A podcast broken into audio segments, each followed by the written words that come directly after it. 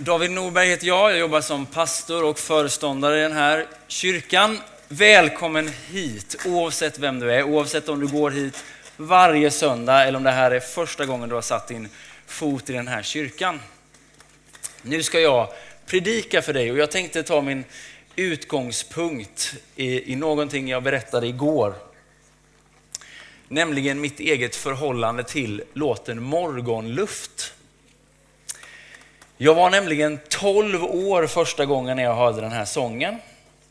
Det var min pappa som hade den på LP. Det var ett format som fanns tidigare. Stort så. Jag minns fortfarande bilden. Jag minns ehm, platsen jag satt på när jag lyssnade på den här sången. Det är faktiskt inte många sånger jag, jag gör det, men just Morgonluft gör det. Och sen så har jag jobbat i snart 11 år med lite paus, men jag började för 11 år sedan här i Sollentuna pingst. Och här i Sollentuna pingst så har den här låten Morgonluft fått betyda mycket. Jag tror att den gestaltar någon slags längtan som många bär på, att vi vill vara en, en kyrka mitt i byn. Den har varit en låt som har gett oss kraft in i en ganska lång och sådär krokig byggnadsprocess. Vi vill nämligen bygga en ny kyrka här. Och så i sommar så satt jag och lyssnade på den här sången. Och nu måste ni tolka mig rätt, för jag vill bygga en ny kyrka. Men jag satt och tänkte på vad är det Per-Erik sjunger om egentligen?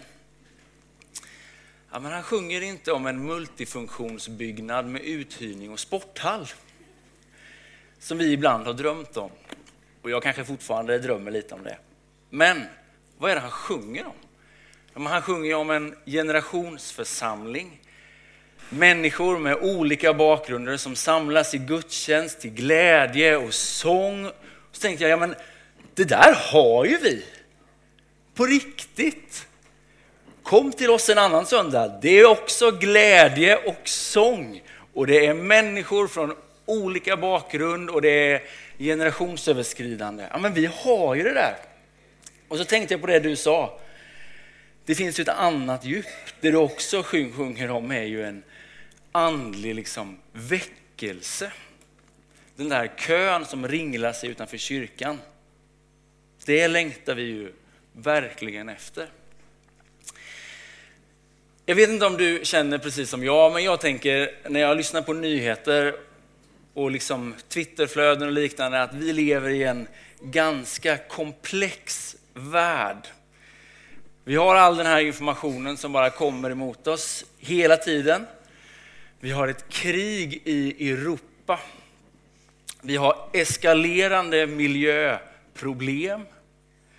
Vi har oreglerad AI. Vad kommer hända med det? Vi lever i en, en tid som är väldigt, väldigt komplex. Och jag menar, allt det här kaoset kan ju få en att bara vilja gå hem och ge upp och dra ett stort täcke över sig. Är det någon som kan liksom känna igen sig i den här känslan igen?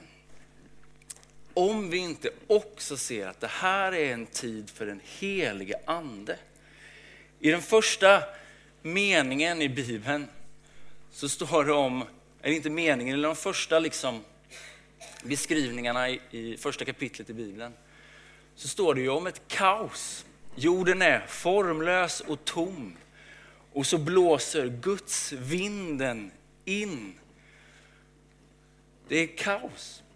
Och sen så kommer Guds vinden och blåser in. Jag tror att det är så här att vi lever i en tid där vi behöver en andlig väckelse och jag tror att den pågår på väldigt många olika ställen i världen redan. Vi ser det om vi tittar i den globala syd, där växer liksom kyrkorna så det knakar. Det sker redan någon slags vitalisering av kyrkan som vi, tror jag, kan få vara en del av här i Sverige. Jag gillar bilden av ebb och flod. Ni vet, tidvatten. Ibland så är det ebb, då går vattnet ut. Då ser man den nakna flodbottnen. Och ibland kan jag tänka att ja, men det är precis det vi ser i kyrkan ibland. kommer nyheter om ledare som faller, ett nytt, liksom, en ny skandal i kyrkan. Vem kan man egentligen lita Det är som att den här flodbottnen är lite blottad. Eller havsbottnen är blottad. Och så kommer det en flod. Ny liksom, växtkraft, nytt vatten, ny kraft. I våras så hade vi eh, besök av två av våra missionärer i Serbien. Och där pågår det en verklig väckelse bland romerna. Våra kontakter där heter Mischa och Trail och Mischa var här och han berättade om fantastiska saker som händer där i, eh, bland romerna i Serbien. De var inne bland byar, de fick se fantastiska helande och hela byar som bara vände sig emot liksom, eh, Jesus och tron och få ta emot det här fantastiska budskapet. Och så var det en klok medlem i vår församling, jag tror att hon heter Inger Hammar, som ställde en väldigt bra fråga. Hon sa så här, ja, men varför händer allt det där fantastiska där borta men inte här hos oss? Och då gav Mischa ett så bra svar tycker jag. Han sa, ja men vi romer, vi är inte riktigt uppfostrade i det här västerländska tänkandet. Vi är lite mer öppna för det andliga. Och sen sa han att vi romer står också utanför alla skyddsnät. Om vi blir sjuka så blir vi inte insläppta på sjukhusen. Då är vi sjuka. Alltså kris och kaos går före andlig förnyelse. Jag tror det är så lätt att vi ibland tänker att på liksom 1500-talet, ja, men då var alla kristna och sen har det bara blivit färre och färre och färre och färre. Det är inte sant. Det är en myt. Jag tror att det är mycket mer troligt att det går i vågor. Ibland går det ner, ibland går det upp och det fyller på. Det finns en fantastisk väckelsehistoria ifrån Wales som hände i början av 1900-talet. Wales var vid den här tiden en, ett gruvsamhälle. Man hade stora problem med alkohol och med kriminalitet. Och så kom väckelsen till Wales. Och det vände liksom hela samhället runt. Plötsligt så blir kyrkorna fullsatta, krogarna tomma. I gruvorna så hade man bönesamlingar en timme varje morgon. Man fick problem med hästarna i gruvorna för de var vana vid piskrapp och svordomar och det slutade man med. Kriminaliteten gick ner. Så poliserna hade ingenting att göra. Poliserna började sjunga i kör i kyrkan. Och vid några städer så satte myndigheterna upp skyltar utanför de här samhällena där det stod gå inte in om du vill ha en andlig upplevelse.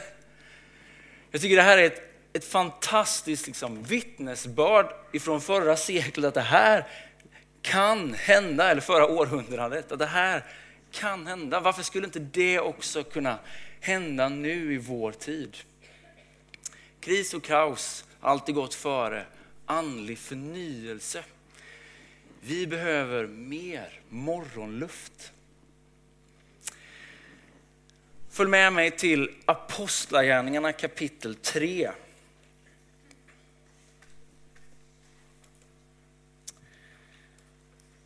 Står det så här, jag ska läsa tio verser. Petrus och Johannes var på väg upp till templet vid bönetimmen, den nionde timmen. Då bar man dit en man som har varit förlamad från födseln. Varje dag sattes han vid tempelport som kallades Sköna porten för att tigga av dem som gick in i templet. När han nu såg att Petrus och Johannes skulle gå in i templet bad han om en gåva. Då fäste de blicken på honom och Petrus sade, se på oss. Mannen såg uppmärksamt på dem och väntade sig att få något. Men Petrus sade, silver och guld har jag inte. Men vad jag har det ger jag dig. I Jesu Kristi Nazarens namn. Res dig och gå. Han grep honom i högra handen och reste honom upp. Och genast fick mannen styrka i fötter och vrister. Han hoppade upp och stod upprätt. Sedan började han gå och följde med dem in i templet där han gick runt och hoppade och prisade Gud. Allt folket såg hur han gick omkring och prisade Gud. Och när de kände igen honom som mannen som hade brukat sitta och tigga vid sköna porten utanför templet fylldes de av bävan och förundran över det som hade hänt med honom. Petrus och Johannes, de är utåtriktade, de är andefyllda, de är betjänande i den här texten. De är utåtriktade. De hade kunnat ha för bråttom in i templet. De hade kunnat vara för upptagna med alla nya åtaganden i den nya församlingen som var startad i Jerusalem. Men de hade tiden att faktiskt stanna upp och vara utåtriktade. När jag drömmer om Sollentuna pingst som församling så drömmer jag om en utåtriktad församling. Jag tänker att det är vår main business. Vi gör en massa saker. Vi har ganska mycket verksamhet. Vi gör sådana här event ibland. Men det är faktiskt inte vår main business. Vår main business, det är vårt uppdrag att gå ut och evangelisera. Och evangelisera, det är ett sånt ord som får folk att bara krypa i bänken. För man ser någonting framför sig. Man ser någonting som händer på ett torg eller något event. Och så känner man, det där vill jag inte vara med i. Oh. En del kanske känner, yes, dit ska jag. Gud välsigne dig. Men om du känner som mig, som är lite mer tillbakadragen, så känner jag, oh, inte säkert att jag vill utsätta mig för det där. Men problemet är att vi ser på evangelisation som ett event. Det är inte ett event, det är inget som ska hända en gång i veckan på torget. Ibland har jag gjort liknelsen mellan en app och ett operativsystem. Evangelisation skulle kunna vara en app, någonting som händer någon gång då och då, som en verksamhet en gång i veckan. Men det skulle också kunna vara vårt operativsystem, vårt uppdrag. Du är utsänd att faktiskt gå ut i den här världen med goda nyheter. Så hoppas jag att du skulle kunna se på dig den här hösten. Om du tror på Gud, då är du utsänd av Gud. Petrus och Johannes, de är också andefyllda eller fyllda av den helige ande. Det här liksom miraklet som sker, tänker jag, det är ju inte deras egen kraft. Det är inte deras duktighet, det är inte deras fantastiska bibelläsning eller otroliga böneliv som gör att det här faktiskt kan ske. Det är genom den heliga andes kraft. Det är Gud med oss. Jag tror du och jag behöver tänka lite mindre prestation och lite mer att faktiskt bara öppna oss för den heliga ande. Det är så lätt att tänka när man hör om sådana här helande att det där skulle jag aldrig kunna göra. Och det är helt sant. Du kommer aldrig kunna göra det där i egen kraft. Det är den helige andes kraft. Du och jag behöver bli öppna för den här verkligheten. Och jag drömmer om att Sollentuna pingst ännu mer skulle få bli en andefylld församling. Vad menar jag med det? Ja, men jag menar egentligen att du och jag som är här, vi skulle öppna oss för den heliga ande, vad den heliga ande vill göra i våra liv. Det sista jag vill säga idag det är att Petrus och Johannes, de är också betjänande. De kommer inte på några höga hästar. De är inte för mer för att beblanda sig med en tiggare. De är betjänande. Och så borde vi också se på oss själva. Vi är betjänande. När vi ses i kyrkan, om du ses i din kyrka eller om du är här och ses i den här kyrkan, så tänker jag vi borde se på oss själva som betjänande. I den här gemenskapen så betjänar vi varandra. Vi lyfter varandra, vi ber för varandra, vi bär varandras bördor. Vi är med och betjänar varandra. En kyrka eller en församling är inte en plats för att ha en egen plattform där du eller jag kan liksom bygga vårt eget verktyg. Nej, vi är kallade till att vara pelare. Vi är kallade till att bära ansvar, att betjäna varandra. Och vi är kallade att gå ut i den här världen och betjäna det här samhället. Tänk om vi kunde få bli kända för att göra gott. Det drömmer jag om. Tänk om vi kunde få bli kända i Sollentuna om att det här finns det människor som gör gott. Och jag vet att i Sollentuna pingst så finns det väldigt många goda människor. Tänk om vi också skulle kunna få bli kända för att vi gör gott. Det här är bara ett förslag. Du skulle kunna se på dig själv så här, att du faktiskt är utsänd. Att du är utrustad och att du får vara betjänande. Jag tror att det är ett ganska hälsosamt sätt att faktiskt se på sig själv. Och jag tror att vi går in i en tid där det inte är så konstigt att faktiskt be för en kollega på jobbet. Eller sätta sig ner med fotbollslaget och be innan match. Eller fråga den där personen på busshållplatsen, vet du vad? Jag tror på Gud, jag kan faktiskt be för dig om du vill. Kanske låter långt borta, men jag tror inte att det är så långt borta. För jag tror att Gud gör någonting i vår värld. Jag tror att vi också kan få vara en del av det här. Låt oss be. Gud, tack för att du är här. När två eller tre är samlade, där är du mitt ibland oss, Herre. Du kallar på oss var och en, Herre. Du vet vad vi bär på. Du vet vilka hinder vi kan känna. Du vet vilka sår och trasigheter vi bär med oss, Herre. Men tack för att din heliga Ande är god. Och där din heliga Ande är, där är också frihet, Herre. Be att du skulle fylla det här rummet med din närvaro med din frid, Herre. Kom och uppmuntra den som kommer hit med tyngda steg, Herre. Fyll på med ny kraft, glädje och sång, Genom ditt ord och genom din kraft, Herre. Kom och fyll på för den som är trött och sliten, Herre. Låt den där gudsvinden få blåsa in i våra liv, Herre.